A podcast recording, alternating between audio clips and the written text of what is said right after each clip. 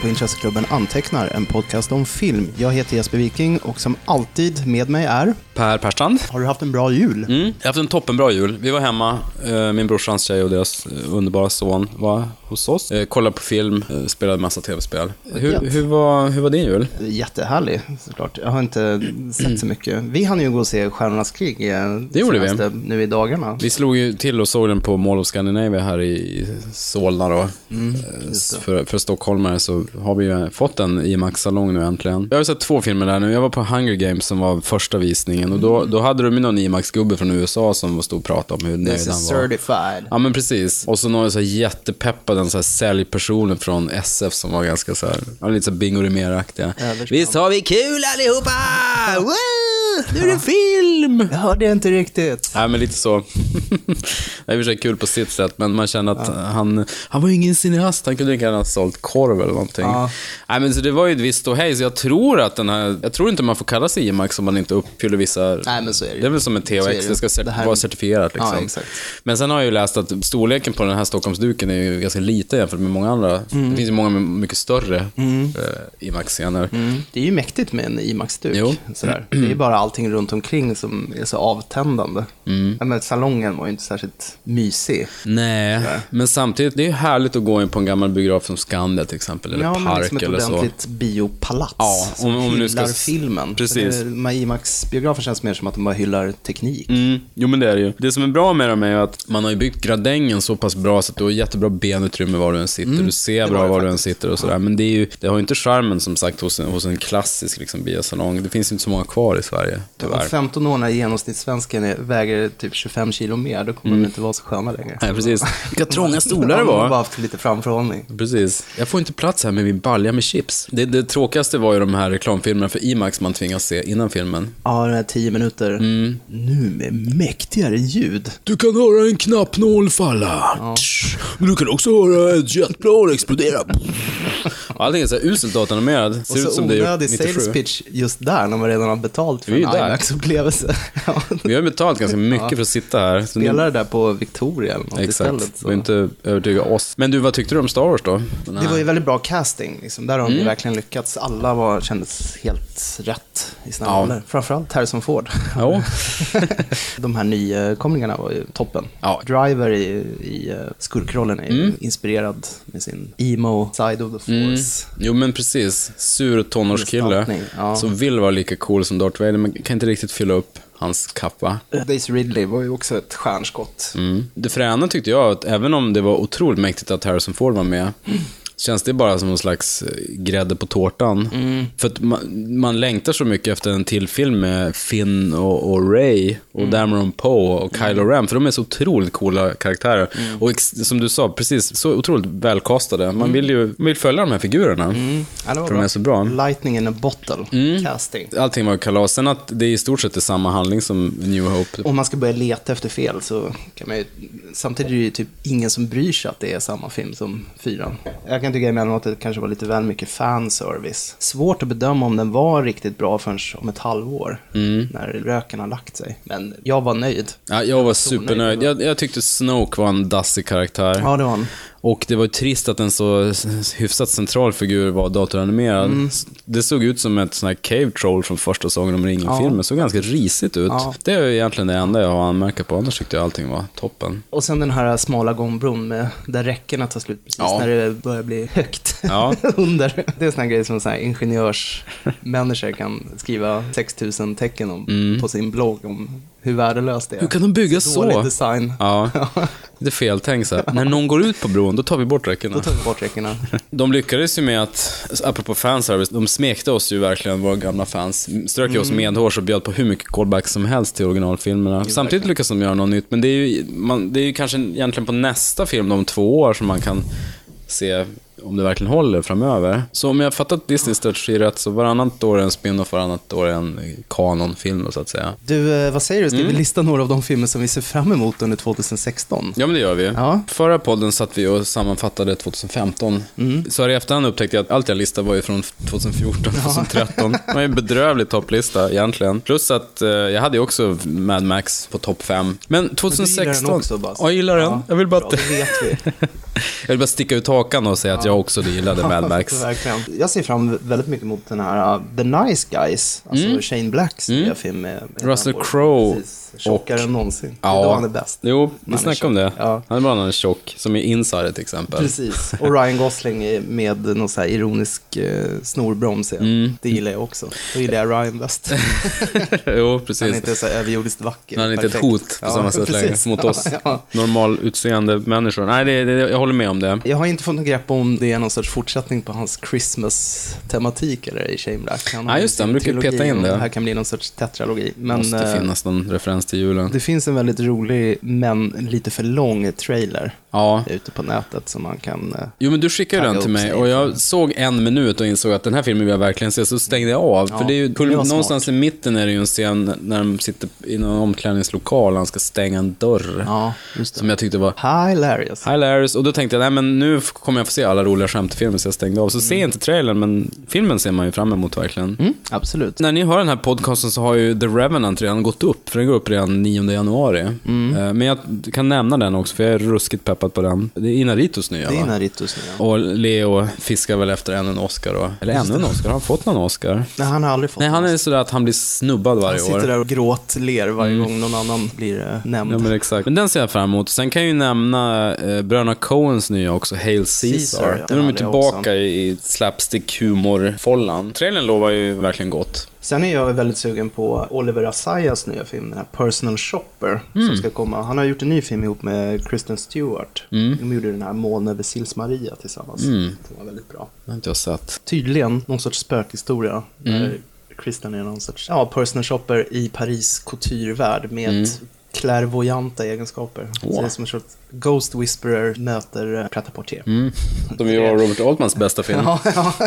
men, Nej, men det är vilket bra koncept. Sen hade jag med Pedro Almodovars nya film Giulietta. Mm. Den har man inte hört så mycket om handlingen på, men det är ju Almodovar så att Ja. det kommer givetvis vara svinbra. Alena, Daniel DeGrados det. Mm. eh, kommande slasher, ser vi ju väldigt mycket fram emot. Den gick ju på Stockholm Filmfestival nu i november och kommer gå upp på bio un under våren. En skräckis i, i internatskolemiljö. Ja. Efter en otroligt bra serieroman av Kim W. Andersson. Den kommer vi nog snacka mer om framöver Ja, tror jag. Det, det ska bli väldigt roligt. Sen så, från en helt till, till något helt annat. Vi fick ju utstå en trailer för Star Wars på Djungelboken. Lulleboken. John Favreaus eh, Jungle Book. Ja. Och vi snackade om det efteråt, att det var ju hysterisk eh, simmer musik till den trailern, som att det Ja, var Brahmet. en Bruckheimer actionrulle. Det var ju faktiskt samma musik på samtliga trailers Mm, ja. eh, innan Star Wars, oavsett eh, tema. Trött, trött, trött i Ja, huvudet. det var överspänt. Ja, man känns som en pensionär, men vad högt det var. Ja, men så fel. Liksom. Mm, helt fel. Känslomässigt fel. Ja, det är ju Disney som mjölkar vidare på sin licens på Jungle Book, men den ser väldigt vacker ut. Och Det gör den. Det Scarlett Johansson igen då, som röst till K. Nu har jag glömt vilka som är de andra rösterna. Beppe Wolgers är Baloo, tror jag. Hoppas, hoppas i alla fall. Sen kommer det ju en miljard uppföljare, varav eh, ändå femte Bourne-filmen kan ju bli kul. Eftersom Paul Greengrass är tillbaka då. Ja. Vad hette den senaste? Var det Legacy? Bourne Legacy. Det var ju inte riktigt Bourne-stämning på den. Nej, det Med, måste vara ehm, Matt Damon. Matt Damon. Ja, har du några fler? Ja, Passengers. Det Mm. här stora science fiction-eposet som eh, Mårten Tydledum har gjort. Ja, Eh, just det. med Chris Pratt och Jennifer Lawrence. Ja, saftigt. Det är någon enorm rymdark. Det var han som gjorde Huvudjägaren, det. Hodjägarna, ja. Precis. först och och sen fick han göra Imitation Game. Ja, exakt. Och det är väldigt bra filmer. Precis, den ser jag fram emot. Det är Mm. alltid kul när det görs lite så här seriös sci-fi. Och sen har jag ju givetvis Ghostbusters också. Ja. Paul Feigs eh, nya med Melissa McCarthy och Kirsten Wiig. Mm. Det ska också bli jävligt faktiskt. Mm. Det är jag råtaggad på. Jag vet. Du, snack, du snackar inte om något annat. Det är inte så mycket de har släppt än. Det är lite bilder bara på skådisarna. Ja. Men det är kalascasting som sagt. Eh, vi har ju redan nämnt Rogue One då. Ja. Som ju är första spin-offen. Gareth Edwards gjorde ju, först gjorde han den här Monsters. Mm, som var sådär. Det var ju eh, inte så bra liksom, spel eller dialog eller sådär. Men människoskildringen, den har vi snackat om förut tror jag. Ja. Men det var ju imponerande hur mycket han lyckas göra på väldigt liten budget. Sen fick han göra Godzilla som jag var väldigt svag för. Så att han känns ju som ett ganska spännande val till Rogue One som jag hoppas är bra. Slutligen den här BFG, Big Friendly Giant, Stora vänliga jätten. Som, eh, exakt. Historien. Roald Dahl-boken som Spielberg eh, håller på med. Det kan bli riktigt fint. Det, det har ju släppt en... en Trailern var ju oerhört ja, stämningsfull. jättefin Men trailer. jag blev lite förvånad över att den går upp i sommar. Ja. Den tecknade är ju klassisk julfilm på engelsk TV i Storbritannien. Det är väldigt egendomligt att den ska släppas på sommaren. Jag vet inte riktigt vad det finns för skäl till det. Anywho. Ja, nej men det finns, eh, det finns mycket kul. Nu har vi ju medvetet skippat eh, de eh, 50-11 Marvel-filmatiseringarna som Ja. kommer också. Jag känner mig lite mätt. De behöver ingen reklam. Nej. Jo men du, förra gången då snackade vi om Guillermo del Toro. Mm. Och så skulle vi komma på en rolig topp tre på det. Mm. Och då enades vi om att köra något på temat sagofilmer. Mm. Just det. Eh, just för att han ja, är förtjust i sagor, Mm. helt enkelt. Och Pans labyrint framförallt är väl en, ja, i sig en sorts parafras på Flickan med svavelstickorna. Mm. Jag har för mig att vi enades om att det skulle vara någon form av folksaga eller en konstsaga. Mm. Som har någon sorts sensmoral eller Mm. är en allegori över någonting. Ja, jag tror vi sa det. Eller så gjorde vi inte det. Ja, jag inser Fyllde jag i att det mina filmer själv. kanske inte stämmer där, Nej, hyfsat. men Men, Det vi i alla fall, jag vet att vi var eniga om var väl att vi inte skulle ha med såna moderna tolkningar som Pretty Woman eller AI eller eh, En prins i New York och sådana där filmer. Nej. Utan det ska gärna vara lite hästar och Jo. trolldom och Ja, men sådär. precis. Det ska Slöja. kanske utspela sig i någon obestämd tid, eller i alla fall i dåtid. Då är vi ju överens. Ja. Ja. Det var något konsensus. Det var intressant faktiskt för att eh, jag insåg att det inte är så här asmånga så här sagofilmer som jag tycker är jättelyckade. Nej, eh, det finns ganska många, men jag, när jag också började leta lite så upptäckte jag att det var nog ingen favoritgenre för mig. Nej. Det har ju kommit rätt mycket sagofilmer nu på senare år också. Det är väl mycket Disney har ju förstått att exploatera ännu mer alla sina prinsessor och Precis. alla Och eftersom de äger figurer. 90% av bioindustrin Mm. så, så blir det ju mest så. Precis. Gud vad vi ältar det här, men så, Ja. så är det ju tyvärr. I framtiden kommer alla filmer heta Folk Disney. måste vakna upp. Ja, precis. Ja, Mm. detta om detta. Detta om detta. Ska vi gå in på vår topp tre? Vi gör det. Nej, men det här var lite svårt. Jag fick, det var några givna val som jag misstänker att du kommer ha, men som jag inte sett om sen jag var 11. Som jag, Liten har- pöjk. jag var en liten parvel. Och i den här podcasten tittar vi ofta framåt och väljer filmer som jag sett i vuxen ålder. Nej, verkligen inte. Men jag, lik förbannat tar jag ändå en film som jag såg eh, i de tidiga tonåren och det är en film som heter The Company of Wolves. Just det, härligt. Ja, Something I should tell you. But maybe you're too young. A wolf may be more than he seems. He may come in many disguises. The worst kind of wolves are hairy on the inside. And when they bite you, they drag you with them to hell.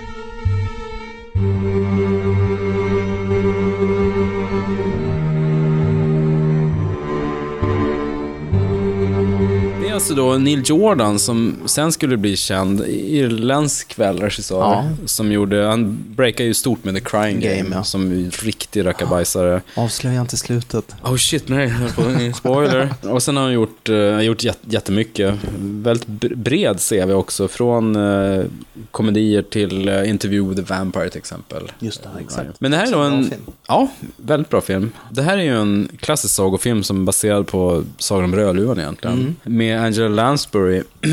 Den här Grand Old Dame. Verkligen. Murder She Wrote, legendaren, som någon slags Ja, eh, mysig sagotant. Deckare farmor. En amerikansk Miss Marple. Ja, Skulle man kunna jo men absolut. Jo, men nog var den serien ganska inspirerad av Miss Marple. Det tror jag absolut. För hon var också ganska beskäftig. Ja. Ja. La sig i, jag var nyfiken hela ja, tiden. lyhörd. Angela Lansbury är alltid mäktig. Mm, jo, men hon är ju det. Nu har ju förresten Arrow släppt, eh, eller var väl ett tag sedan, släppte ju The Manchurian Candidate. Ja. Jättefin Blu-ray. Just det.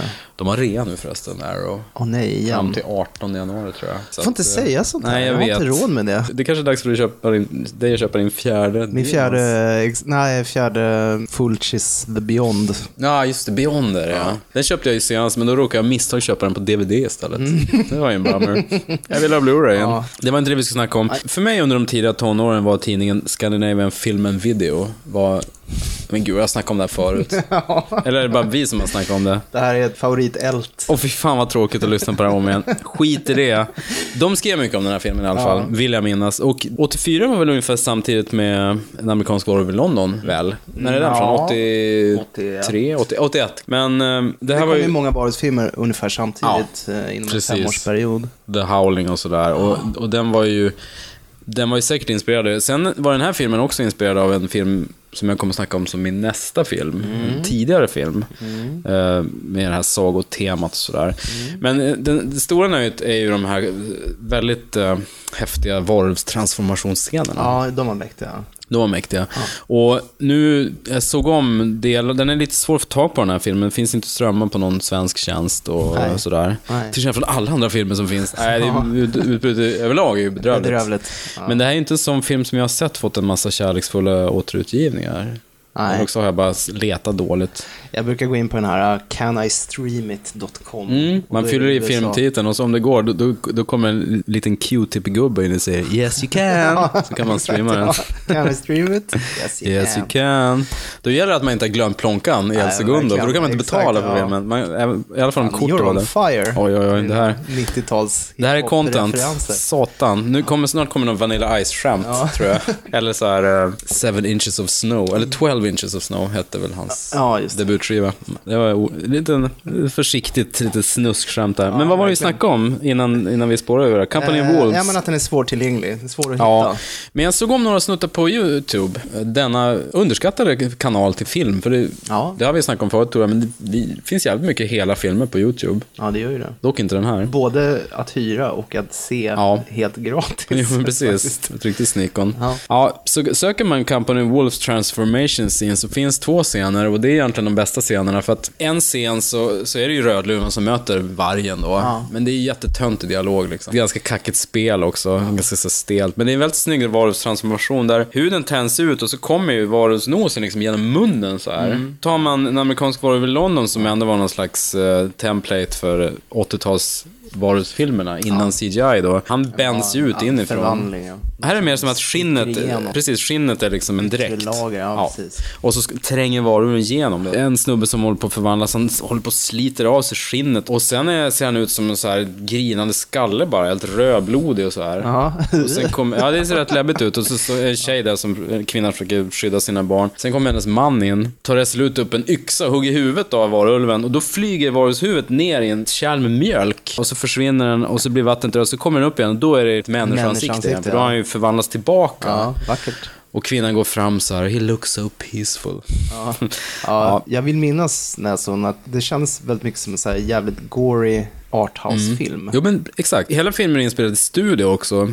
Eh, Så att det är antagligen medvetet då att den, den alla skogsscener är i studio, så det känns ganska, det det känns trångt liksom. Ja. Det blir studiokänsla. Klaustrofobiskt nästan. Exakt, det, ska ju, det är väl menat att det ska spä på sagostämningen. Ja. Men eftersom budgeten kanske inte tillät, de la väl pengarna på transformationsscenerna Mm. så så känns det inte så stort. Det- känns väldigt så här stagey eller, eller studioaktigt så att säga. Ja. I genren liksom mörka sagofilmer eh, som baseras på klassiska sagor men har mycket gore, så är det en, eh, en, tidig, en tidig favorit. Mm. Ja, absolut. Ja, den, den, den tycker jag ni kan eh, kolla upp. Det är kul att Neil Jordan började med en sån intressant mi- mix av eh, avancerad uh, prosthetics, liksom, makeup-effekter och mycket gore och eh, saga med ganska höga litterära ambitioner. Ja, liksom. Det är en intressant genreblandning. Han gjorde ju den här Byzantium, den här Ja, vampyrrullen. det är han ja. Den har jag fortfarande inte sett. fast jag har den, den på är också Blu-ray. gory och uh, ambitiös. Ja. Den är kalas. Ja, men den måste jag ju se. den. Rödluvan är alltid tacksam. Ja, ja. Vi såg den här uh, Into the Woods.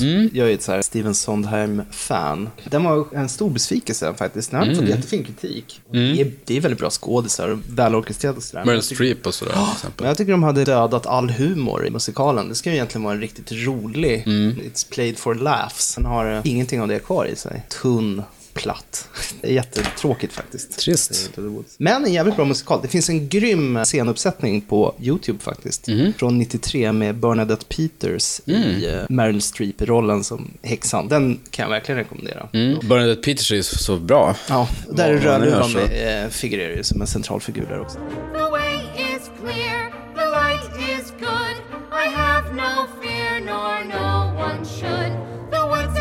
trees, the trees are just wood. No need to be afraid, there's Something in the glade there. Men det var inte min trea. Oh, det var bonusinnehåll. Ja, det var bonusinnehåll. Nej, min, eh, min trea är faktiskt en liten film som heter Münchhausen. Här skulle vi kunna prata om Terry Gilliams version. Hans bristfälliga juvel. Alla hans juveler är bristfälliga. Precis. Det är kanske Brasil som är, men jag tycker alla hans filmer har ju, har ju flaws, även om de är Mm. De har ju det. härliga. Man älskar dem ofta ändå. Jo. Just hans Münchhausen var ju ganska toppriden som jag förstod av filmstudion. Så att den blev ju aldrig riktigt vad han hade tänkt sig. Så vi hade kunnat prata om den, för den är ju läcker och eh, dessutom har vi båda sett den. Vilket alltid underlättar. Men jag vill prata om en tysk filmversion från 1943 av Josef von Backi. Den gjordes alltså mitt under eh, kriget.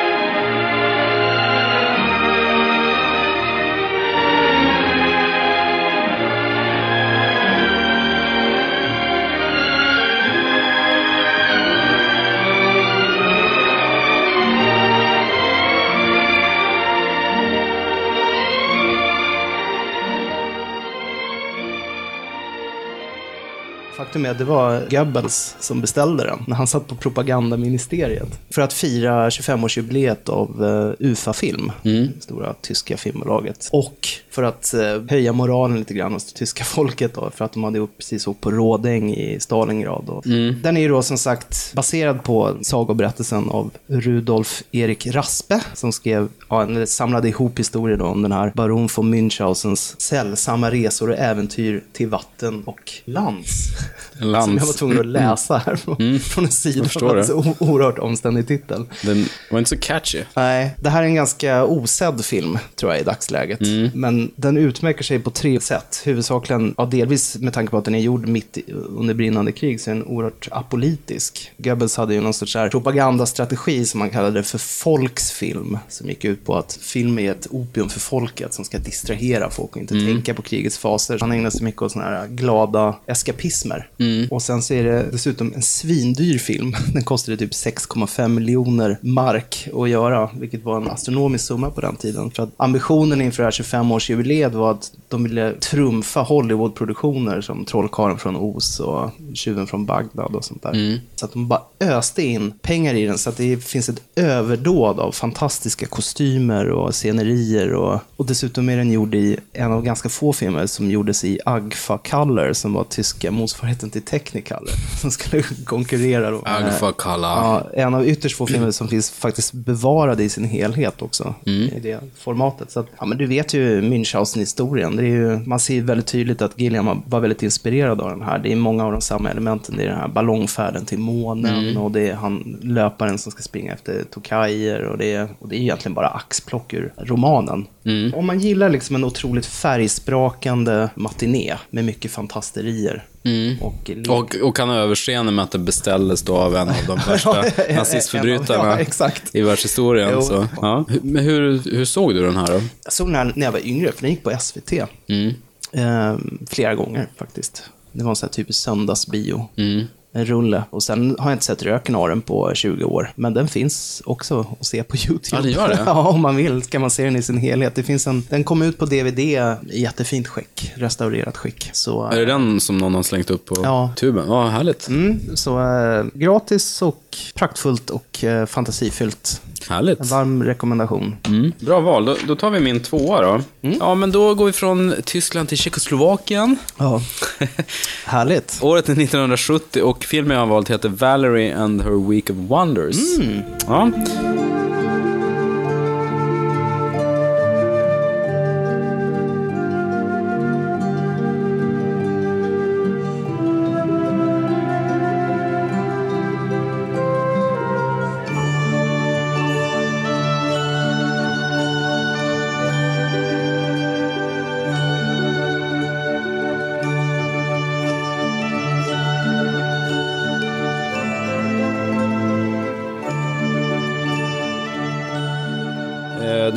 På tjeckiska också som jag inte ska säga. Jag är risk tror för att, jag tror att det kan bli feluttal.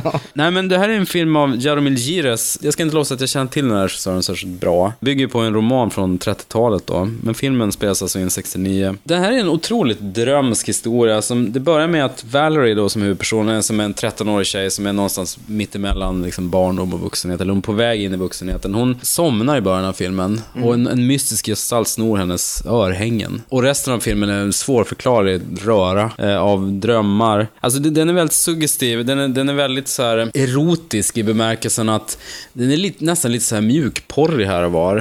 Lite på gränsen till det. Och eh, den, eftersom skådisen... hela familjen. ja, verkligen. Nej, men eftersom hon skådisen i huvudrollen bara är 13 år så är det ju klart tveksamt kan man ju säga. Det, det begås ju inga övergrepp så här, men den är ju väldigt, så här, den är väldigt soft fokusfilmad hela vägen. Nazistpropaganda och eh, barnporr, det Barnporr. är liksom teman. Ja, det är de för kvällen. Filmerna som vi har valt då, vi män här. Ja, det känns ju bra. Nej, men det, det är en väldigt säregen blandning av, av saga och skräck och fantasy och en Alice i Underlandet parabel liksom. Men hon eh, möter en mystisk gestalt som är en liten, som en korsning av Bengt Ekeroth i Sjunde inseglet och Max Schreck i Nosferatu, väldigt blek så här. Och lite eh, Mr. Burns i Simpsons också. Det är skönt att döden har ett namn och det är Bengt Ekerot. Ja, exakt. Det blir praktiskt då. Ja. Nej, men grejen, var, grejen är att jag har ju varit fan av den brittiska popgruppen Broadcast under många år. Sångerskan i Broadcast, Trish Keenan, gick ju bort för ett par år sedan i någon skumsjukdom. Ja. När hon bara var 40 år gammal. Och otroligt ledsamt. ja, det är tråkigt. Ja, det är jättetråkigt, så de kommer ju inte släppa någon, någon mer musik. De gjorde ju musiken till eh, Peter Stricklands eh, film. Barbarian Sound Studio. Mm, precis. Och då är det bara ljud utan sång och sådär. Det är fantastiskt. Ja. Soundtrack för övrigt. Jävligt bra soundtrack. Det blev ju som deras sista release då. Men de har ju en låt som heter Valerie från skivan Haha Sound som kom för ett antal år sedan.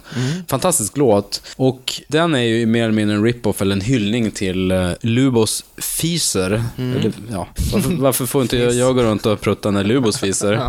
Eh, Nej, fn- han har ju ett fnissigt namn då, ungefär som när det var skidtävlingar. När det är skidtävlingar och det står att det är FIS som presenteras.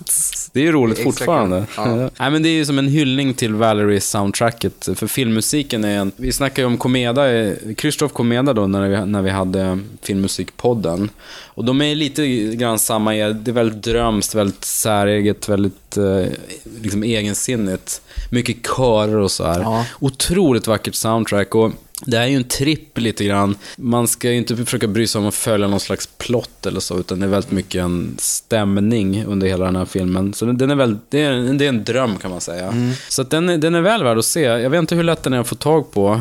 Eh, den, den finns inte på YouTube. Jag tror inte den finns att strömma någonstans. Det finns en brittisk DVD som kom för några år sedan vet jag. Ja, men då går den säkert att hitta. Man kan säkert hitta den. Ja. På, nå- på något sätt. Jag vet inte hur. At the library kanske. Precis. Go to the library. To the library! Men i alla fall, det, ja, lite tveksam då som, som vi snackade om tidigare till innehållet. Och det är ju ingenting man ska säga med barnen, för den är ganska, som alla bra sagor är den ganska otäck också. Den här gestalten är verkligen skrämmande. Ehm, Men det är en riktigt bra saga ska vara otäck. Mm, men det handlar ju mycket om hennes väg från barndom till vuxenhet och henne, hur hon upptäcker sexualiteten och hur det kanske är någonting farligt och sådär också. Hur, hur otäck vuxenvärlden är jämfört med livet som barn och så vidare. och så vidare. Ja. Alltid när jag ska analysera filmen blir det total pannkaka. Jag märker verkligen så här, det, Det är bara finns för att jag sitter och brister. ler i mjugg åt dig. Jag blir osäker, jag blir jättenervös. Du stirrar på mig där. Jag ska be- bejaka mig istället. Ja, men hur som helst, Valerie and the Week of Wonders. Har ni möjlighet så kolla upp den? Det tycker jag absolut. Och eh, är ni fans av Broadcast, om ni inte är det så kolla upp Broadcast. Ni, De finns ju, släng in dem på Spotify och lyssna på skivan Haha Sound till exempel. Eller låten Before We Begin kan ni kolla upp. Eller Valerie. Diggar ni Valerie, ja men precis. Diggar ni låten Valerie så kommer ni också gilla filmen Valerie. Hela Broadcast Sound är ju inspirerat av den här Lubors Fiser egentligen, inte bara den låten. Nej. Någon form av diffus öststatlig 70-tals eh, skräcksagostämning. Ja, you had me at diffus. Exakt, det är det man vill ha. Alltså det är min två. Smarrigt. Mm. Då kanske det blir lite mer sås och potatis nu då. För jag tänkte lägga fram som min två Bröderna Lejonhjärta. Åh!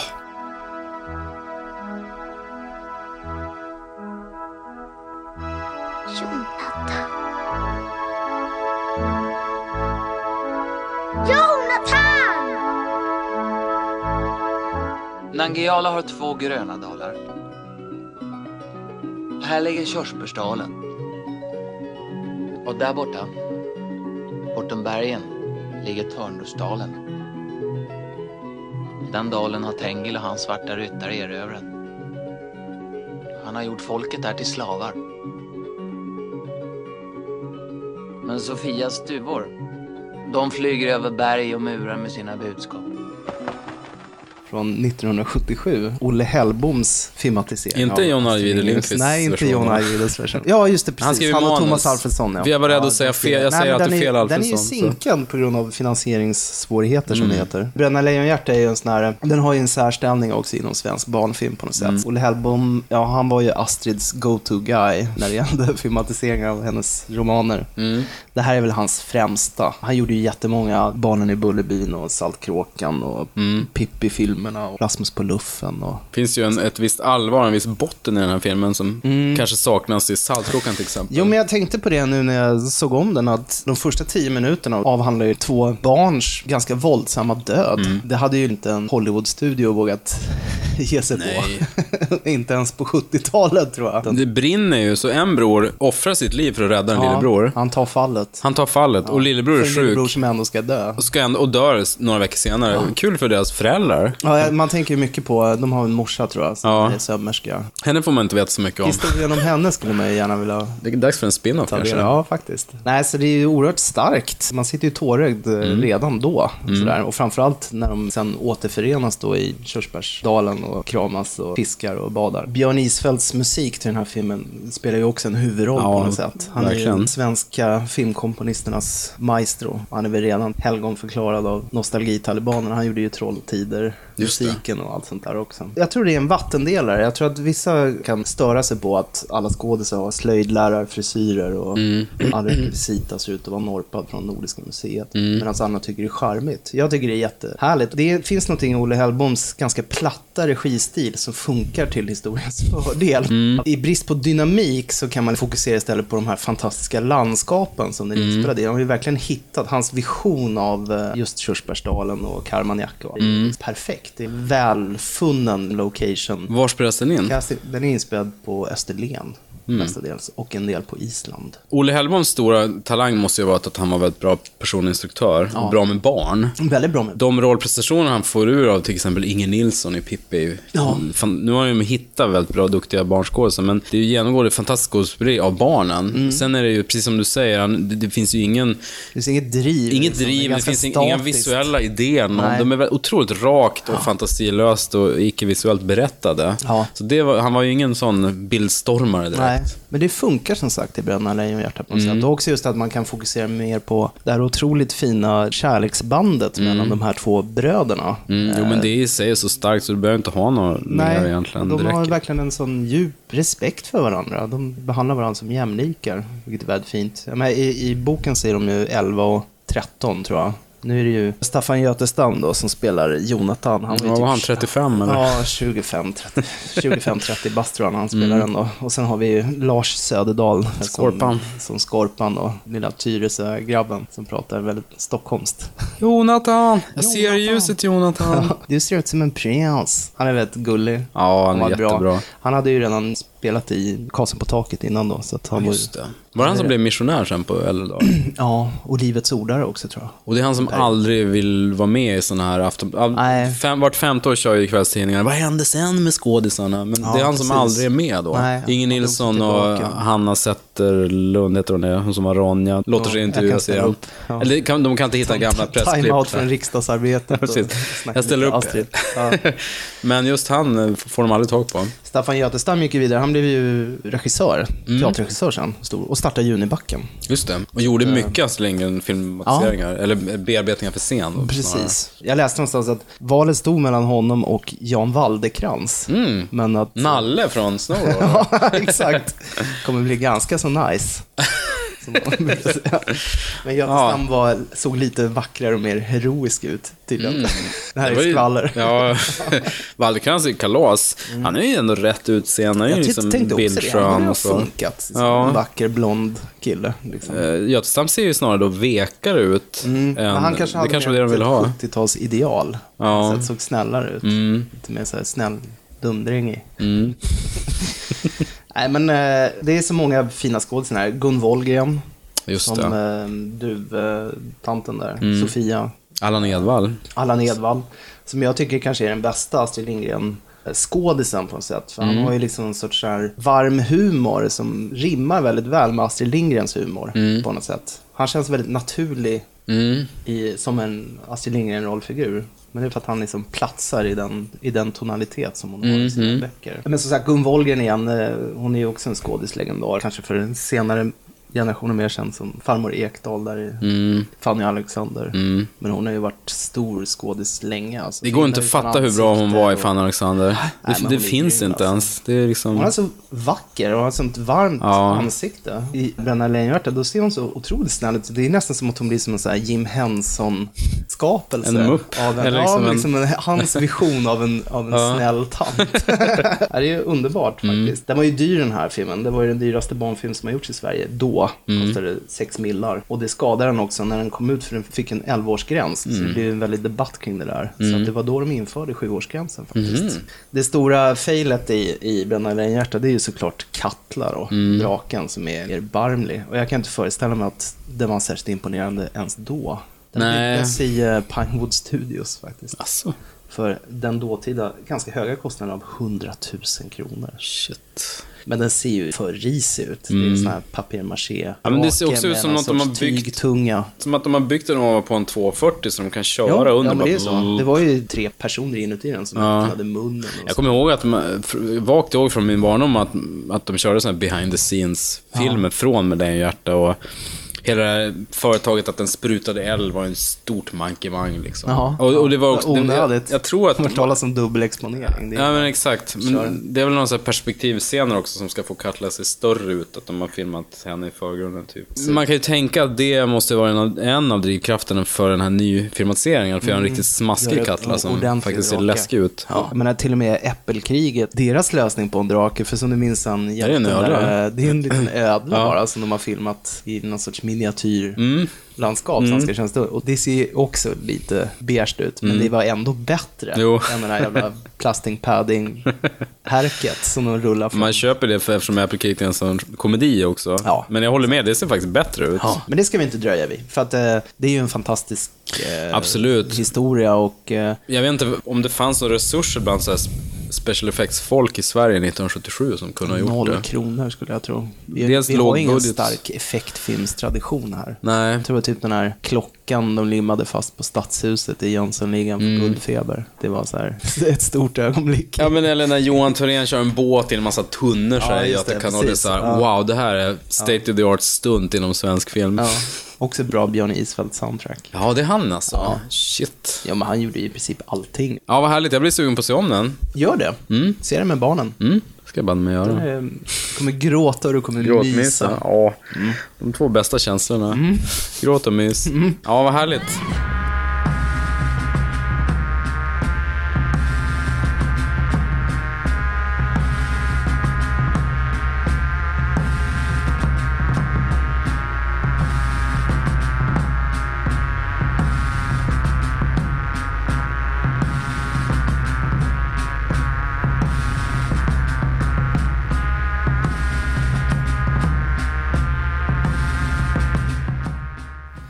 Då är det dags för min etta tror jag. Och eh, efter mycket om och men så har jag faktiskt valt filmen Sleepy Hollow Åh, mm. av Tim Burton. ja. Från... eh, Klassisk sägen. ja, men Om precis. Ichabod Crane. Ja, Ichabod Crane. I am Constable Ichabod Crane, sent from New York to investigate murder in Sleepy Hollow. How much of your superiors explained to you? Only that the three were slain in open ground, their heads severed from their bodies. Taken by the headless horseman, taken back to hell. He rode a giant black steed. To look at him made your blood run cold. Even today, the Western Woods is a haunted place where brave men will not venture. We have murders in New York without benefit of ghouls and goblins. You're a long way from New York, Constable. Det här är ju, bygger på en gammal historia av Washington Irving. Och det är en novell från 1820 som The Legend of Sleepy Hollow, som jag ändå tror är, så här, finns på litteraturlistan i USA när man går i skolan. Ja. Alltså, det är den och så är det Jo, Tom det är Sawyer. ja, det är och en klassiker. Tre män i en båt och lite sådana så här, klassiskt amerikanska historier. Precis. Det är inte alls som Tre män i en båt är med där, men Tom Sawyer i alla fall. Mark Twain. Nej, men det räknas Mark väl en av dem. Poe. Poe kanske, ja. Måste vara med. Han är den främsta amerikanska Ja, men klassiska exakt. författaren. Och och lite så här... Walt Whitman. Ja men precis, Leaves of Grass tänkte jag precis säga. Lite sådana grejer. Jo men också Salinger och så vidare. Men eh, dels är ju här en, jag vet inte om den är lite krystat och skohorna in den här under sagofilm, men den, alla, man skulle kunna säga att alla Ti- Tim Burtons filmer är sagofilmer på något sätt. Ja, absolut. Han är ju en Jo, sucker för det är Men det här är ju också en av, höll jag på att säga, en av de sista riktigt bra filmerna han gjorde. Ja. Om man ska vara lite taskig, för han gjorde faktiskt Big Fish efter Ja, den här. exakt. Och eh, Corpse Bride efter den här också. Ja, den är också bra. är ju fantastisk. Så det, det är en, en... Men om man, om man skulle säga, man försöker säga den sista spelfilmen i sagomiljö han gjorde som var bra.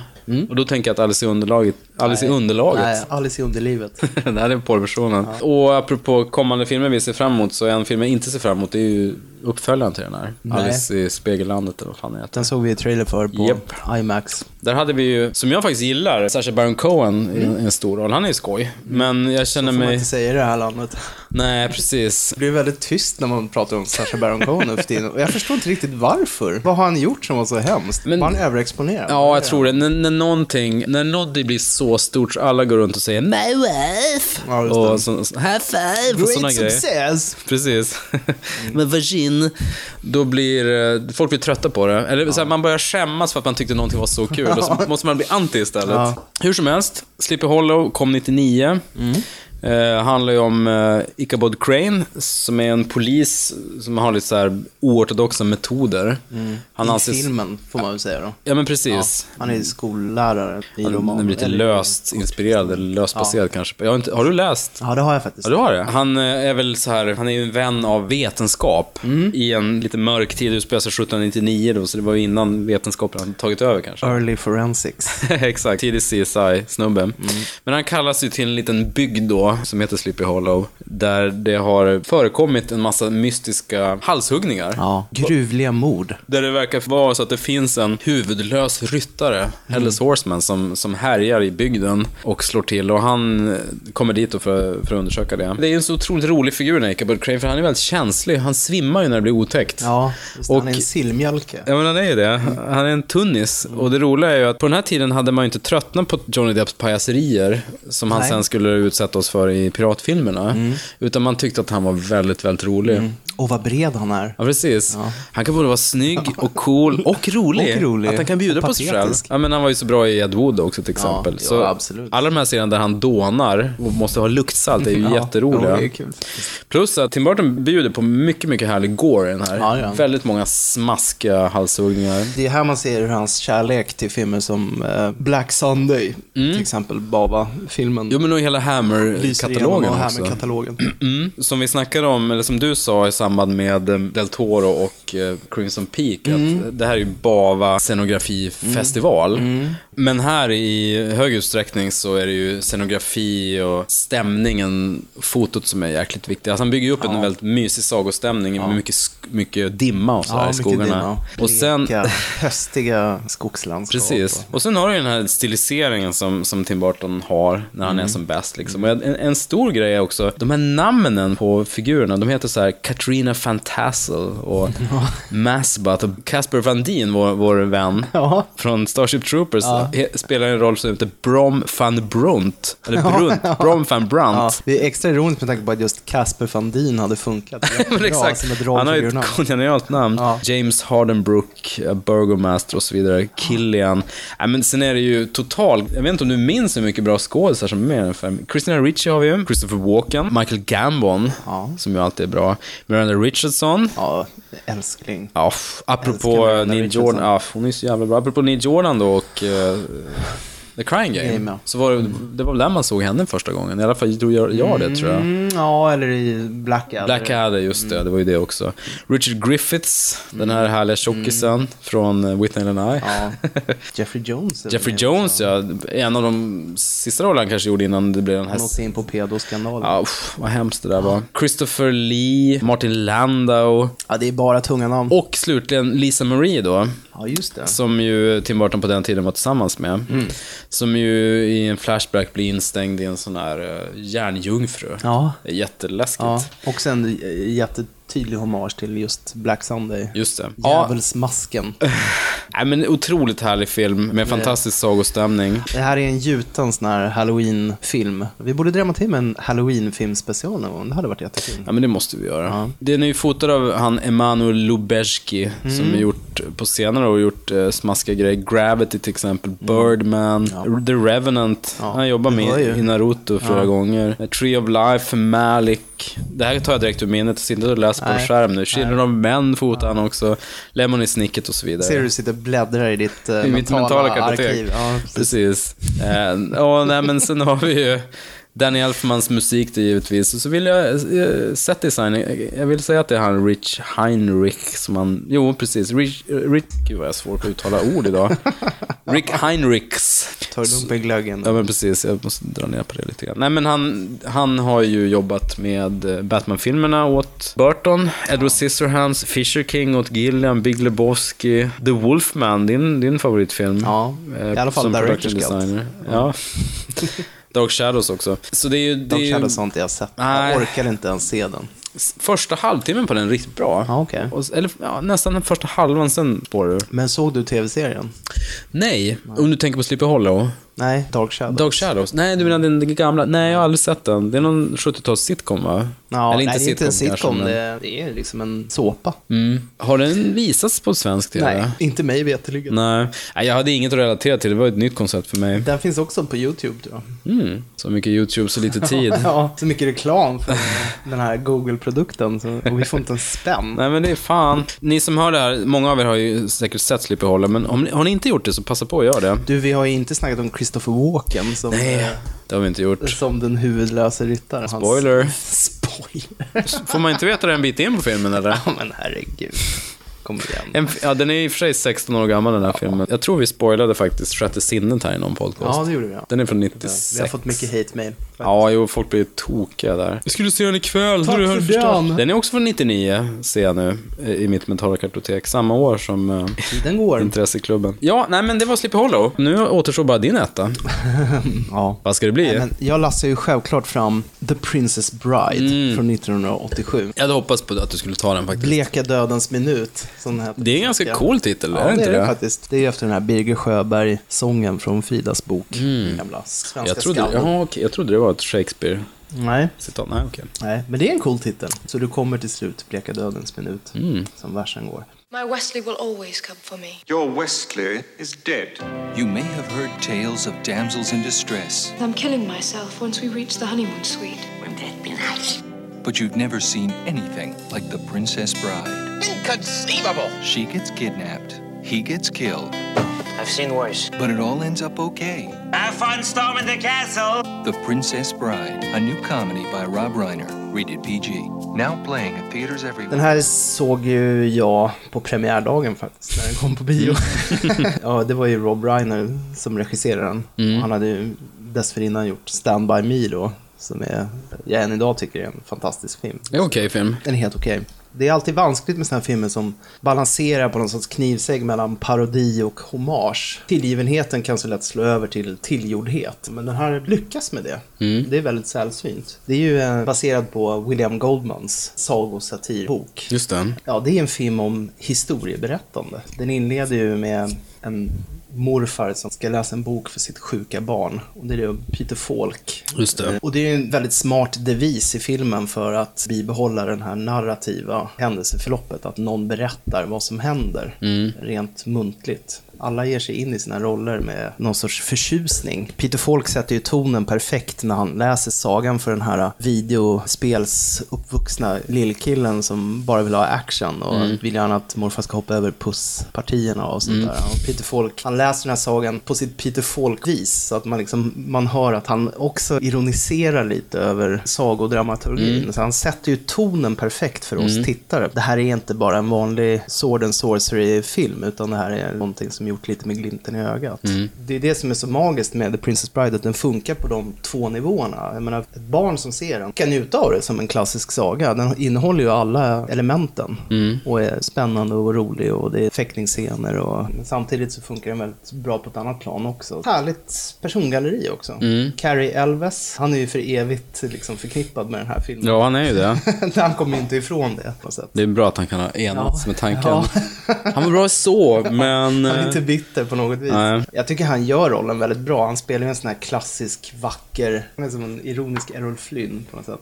Han har ju det perfekta matinéhjälteutseendet. Men med någon sorts nära deadpan. Mm. Den fick han ju använda i Hot Shots-filmerna. Ja, just det. Där är han ju med. Jag minns inte om han är med i båda eller om det är första Hot Shots. Men... Han spelar typ Iceman-rollen va? Ja, precis. Tror det. Där är han jättebra också. Ja. Och så har han så här otacksamma roller som så här, typ eh, mammas nya kille i Liar Liar och sådär. Ja, Kommer du just det. det? Here comes the claw. Ja, exakt. Jim Carrey har The Claw, så ska Carrey Elves försöka göra samma. Så här. Grejer, det blir Och bara det blir- fel. ja, det blir inte alls lika liksom bra. Platt och tråkigt. Han är ju så Ja. jättevälmenande, en schysst kille så här, men Ja, kan men han inte har bli en sympatisk utstrålning. Mm. Och det använder de ju till fördel i den här um, deckarfilmen med Morgan Freeman. När han spelar den här... eh, Massmördaren som samlar på kvinnor och Mm. i en källare i skogen. är det Bone Collector eller? Nej, det är inte Bone Collector, men det är samma Men det finns det väl en som heter-. Den heter typ Kiss the Girls, tror jag. Mm. Det här var mitt i Ashley Judds storhetstid när hon det. bara gjorde såna här thrillers. Just det, för sen, det bygger på en bok av James Patterson. Precis, och det var en serie han gjorde med Ja, Along polis. Came a Spider var en uppföljare till den. Precis, Morgan Freeman spelar väl samma roll där. Ja. Just Alex Cross är det ju. Det är ju hans, um, hans romanhjälte. Hans Jack Reacher. Exakt. Alex Cross. Ett coolt namn. Ja, det är ett bra namn. Mm. Nej, så han är ju toppen. Och sen har vi Robin Wright Penn då som Buttercup. Mm. Hans eh, trolovade, eller hans stora kärlek. Fulländad sagoprinsessa. Wallace Shawn. Ja, just det. Som gör en paradroll här som en siciliansk eh, intrigör. Han är så en härlig skådis, Wallace Shawn. Mm. Han har så här, ganska jobbig röst. Han är Mm. lite, lite som Gilbert Gottfried.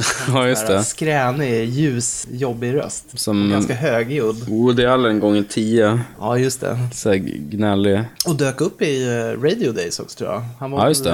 eh, radioteatern där. Mm. typ, inte The Shadow, men Någonting någon sånt. motsvarande. Vi snackade om Radio Days Att han var så förra. mäktig på radio och Ja. så i verkligheten så var han så här kort, Ja. tonhårig liten Den farbror.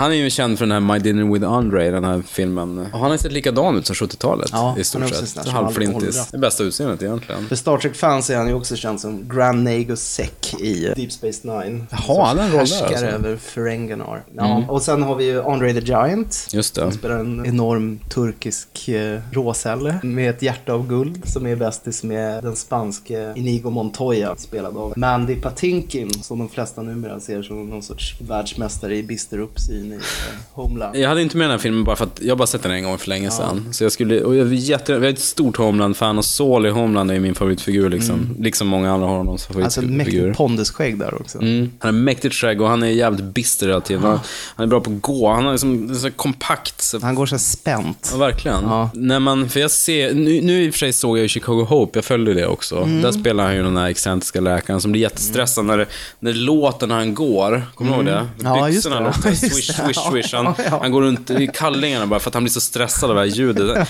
Jag tror han genomför operationer i kallingarna bara för att inte ha ett distraktionsmoment. Underbart. Han är så jävla bra där. Han har haft en intressant karriär faktiskt. Mm. Han spelar Inigo Montoya i The Princess Bride som är kanske en av de mest ikoniska filmfigurerna Mm. någonsin. Och sen spelar han den här uh, Mr Potato Head utomjordingen i uh, Alien Nation. Alien Nation. Ja, men det är han ja. Han spelar Just det, det Sam Caan och han. Francisco som han heter. Hette han Sam Francisco? Sam Francisco. Ja, herregud. han var ju invandrare så han fick sån här hittepå engelskt namn det. som alla immigranter fick när de kom till USA en gång i tiden. Fan, nämnde vi inte Alien Nation i förra podden också? Eller har jag drömt men det? möjligen. Apropå det så kollar vi Elf nu på, i julas på TV med James, James, Med James Caan. Ja, det är bra. Nej, men åter tillbaka till Princess Bride. Jag vill jättegärna om det. Det är ju en jättefin, apropå Andrew the Giant, det är en väldigt fin hommage i I Love You Man. Ja, Ja, när. Jason Segg kör Anybody wanna peanut? Anybody wanna peanut? Så jävligt roligt. det är så fint. Ja, nej men Inigo Montoya, den här spanjoren with a chip on his shoulder, Mm. som ska hitta sin fars mördare och uttala de här äh, klassiska... Just det. I will go up to the six-fingered man and say, Hello. My name is Inigo Montoya. You killed my father. Prepare to die. Banderas har ju rippat eh, det här rakt av eh, när han gjorde Zorro. Mm. Också. Jag gillar de här, du vet de här generiska amerikanska namnskyltarna man har på företagsfester. Det står My name, eh, hi, Ja, my, name, is... is... Ja, det. Då finns det som det står Inigo Montoya. Ja. ja, det säger en del om hur, Ja, den- har genomsyrat populärkulturen. Nej men den, den har ju, man tänker den här Den är Office väldigt Space. quotable det- över- överlag. Precis, det finns ju vissa filmer som verkligen ingått i det populärkulturella medvetandet. Ja. Det, det här är ju verkligen en av dem. Det finns ju mycket, vi har ju våran eh, favorit också, Chris Sarandon som spelar Mm. prins Humperdinck, eh, filmens stora Herregud skurk. så bra. Och sen har vi ju Christopher Guest då, eh, som hans eh, hejduk, Mm. improvisationskung egentligen. Med en lång radda fantastiska filmer. Ja, Spinal Tap och alla de här ensemble-rullarna. Precis, Best in Mighty Show Wind, Best in Mm. Show. Sen innehåller ju filmen också en av de mäktigaste fäktningsscenerna någonsin i, Mm. i filmhistorien. Mellan eh, Wesley och Inigo då. Där de, ja, i princip bekantar sig med varandra Mm. under en duell. De övade ju månader, bägge skådisar det här. Och enormt välgjort och Mm. väldigt medryckande. Och rolig fäktningsscen Mm. Däremot så gick den ju inte så bra på bio. Den kostade cirka 16 miljoner dollar och drog in dryga 30. Mm. Det är ingen Nej. succé direkt. Nej, Sen har det ju blivit en kultklassiker då, på senare Jo, tid. precis. Men, men nu är det en musikal på G. Jaha. Läste jag. Disney Theatrics kommer ju givetvis ständigt denna Disney. Ja, kommer inte undan dem. Nej, både Goldman och eh, Rob Reiner är inblandade. Mm, så att, eh, kul. Det skulle kunna bli något. Kul för Goldman, han är ju jättegammal nu, han är ju över 80. Så att han har inte gjort så mycket väsen av sig på Han är så tiden. intressant Goldman, för han är ju så här, en av väldigt få manusförfattare som har lyckats uppnå samma status som många autörer. Mm. Eller... Jo, men också de här två böckerna han skrev, Adventures in the Screen Trade och, och den andra.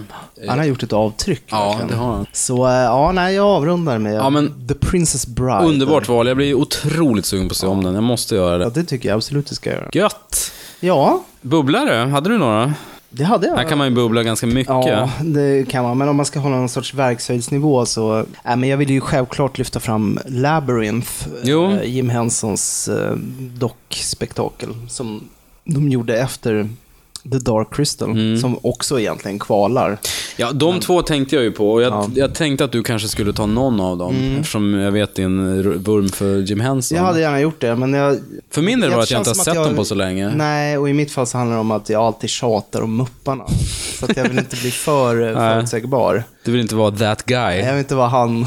Han, som Han på festen, sitter i ett hörn och snackar om Som mupparna. älskar folk kör upp handen i, i röven på.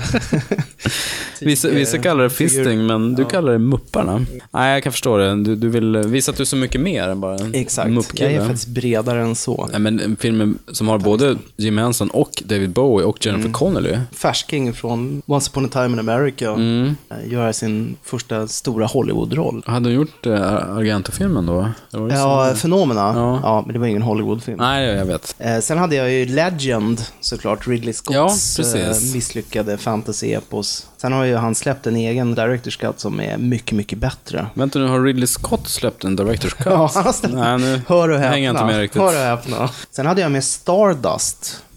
Ja, just Eh, Neil Gaiman. Gaiman-filmatiseringen. Mm. Sen hade jag faktiskt med Big Fish Mm. också, apropå Sleepy Hollow och, och Tim Burton. Det är också en sorts Münchhausen-film sådär. Det handlar ju om en skrävlare, en rakontör Mm. Ja, som eh, hittar på en massa fantasterier. Och sen hade jag med Willow, Ron Howards ganska tungfotade fantasy-epos. Mm. Som egentligen är, är en rip-off på Stjärnornas krig, kan man säga, fast i fantasymiljö. Mm. Det är någonting med den som inte lyfter. Jag tror att Ron Howard var för ung, eller för orutinerad när han gjorde den. Så Mm. han, han kan inte riktigt regissera här actionsekvenser på ett snyggt sätt. Nej. Och det är jävligt synd, för att världen han bygger upp är ju jättehärlig. Och eh, Val Kilmer är ju underbar som Han Solo, eller Mad Martigan, Mm. rollfiguren. Så det var de jag hade. Eh, Princess Bride och Labyrinth har vi snackat om redan. De hade jag som bubblare. Jag listar faktiskt den här Enchanted. Eh, den är ganska charmig. Det är ju Disney då. Mm. Ja. Eh, en Disney-prinsessa i princip som handlar i dagens New York. Precis. Eh, I och- verklig- I verkligheten, ja. ja. Och jagas av prinsen då, som spelas av han James Marsden från X-Men-filmerna. Cyclops. Cyclops, precis Mm. så heter han ja. Och eh, huvudpersonen spelas ju av eh, supercharmiga skådisen som heter... Jag har fan glömt vad hon heter. Vänta nu, jag blandar alltid ihop den här med Ella Enchanted och då var det Anne Hathaway. Men Ja. det här är ju Amy Adams. Amy Adams ja. Mm. Amy Adams är ju så jävligt bra. Den är ju charmig och kul. Bra liksom barnfilm också. Det är ju en sån här Den är ju fish... rolig. Den är rolig, så här Den är fish out of water. Hon är ju van vid, allting är mysigt och härligt. Och så Ja. kommer, det är liksom Elf, och så kommer hon till, till det hårda New York där folk Precis. är otrevliga mot varandra Ja, på gatorna. Hon fattar Just det, ingenting. ja, Nidbilden av New York. Ja, men exakt. Snövit och de sju dvärgarna. Mm. Vi, vi har ju inte haft så mycket liksom, regelrätta tecknade sagofilmer. Nej. Jag tog med den egentligen mest för att jag såg om den nu. SVT körde ju den på nu i jul. Det är den första tecknade långfilmen. Den är ju från 37. De använder ju någon tidig version av motion capture i den. Alltså de filmade människor. Och det är otroligt snyggt. Och, och man ser vissa bildlösningar. De har ju verkligen inte gjort det lätt för sig. För det är sån, det är djup, liksom Ja. perspektivbilder och... Så många lager av eh, Lager för och bakgrund. Exakt. Jätte... Anim, alltså animeringen får ju 10 av 10, den är så otroligt snygg. Ja. Sen är ju Snövit-figuren är ju så otroligt endimensionell kan man väl säga. Ja. Alla scenerna med drottningen är ju helt fantastiska i sin otäckhet. Det är ju en scen när, när drottningen går ner i något källarvalv och då ser man ett skelett, ligger någon så här, ett skelett med handen utsträckt mot ett kärlvatten och bara Är du törstig, vill du ha lite vatten? Sparkar de bort det här kärlet så att skelettet går i bitar. De bara burar in en snubbe som bara ruttnat. Ja, den, är ju, den är, ju- tar ju den här riktiga, ri- riktigt, riktigt mörka från Grimsagan. Mm. Så Ja, den, där när frän. Disney fortfarande vågade vara lite mörka. Exakt. Det är ganska otäckt med den här jägaren Ja, också, ja, ja, det är det ju. Med knivmördaren. Ja, visst. Jallo-vibbar Ja. i skogen. Jag kan inte, förlåt mig. Spring, spring! Och sen på slutet när eh, drottningen har klätt ut sig till en kn- knotig gammal kärring, då, Ja. häxa. När hon blir jagad av man dvärgarna som... då är man ful. Ja, men så är det ju. Ja. Båda är snygga. Ja. Så är det ju fortfarande. Hon, hon far ner för stupet och de här två, sitter två gamar där som är lystigt bara hmm. Så lyfter de och så cirklar de sakta ner samtidigt som bilden fadas ner. Och då är det ingen musik, det är helt tyst så här. Ja. Man ser bara, hör bara lite vinden som viner. Ödesmättat. Otroligt, otroligt ödesmättat, så här Ja. läskigt bara. Ja. Nu ska de ner och äta upp hennes lik. Ja. Det är det som händer. Man får inte se det, men Dark Disney. ja, det är det ju. Nej, kvar i men, Pinocchio också. Sen tog det ja, slut. jo, men sen blev det lite mer ja. klinkat. Nej, men eh, Ja, tillrättalagt. just för animationen som är bländande. Ja, det är en bedrift. Ja, jag hade listat två andra filmer. Den ena är De förlorade barnens stad, mm. eh, och Caro. Just det. Eh, som Det är ju en härlig saga Ja, också. det är otroligt prillig i all sin... Med vår favorit Ron Perlman igen. Nej men precis. Och sen slutligen Trollkarlen från Oz också. Eh, givetvis. Den såg jag första gången bara för några år sedan. Jag hade inte sett den. Apropå att man kan känna sig lite klaustrofobisk av kulisserna i Company of Wolves. Så det är ju kulissfestival på den här. Det är många väggar. Ja men exakt, och man, ser, man kan roa sig med att sitta och titta liksom fonderna och se exakt var övergår Ja. kulissen i, i Den himlen så där eh, Yellow Brick Road, Ja. helt plötsligt blir det en vägg. Var det, var det ja, det är väcket? väl tvärvinkelförändring där. Ja.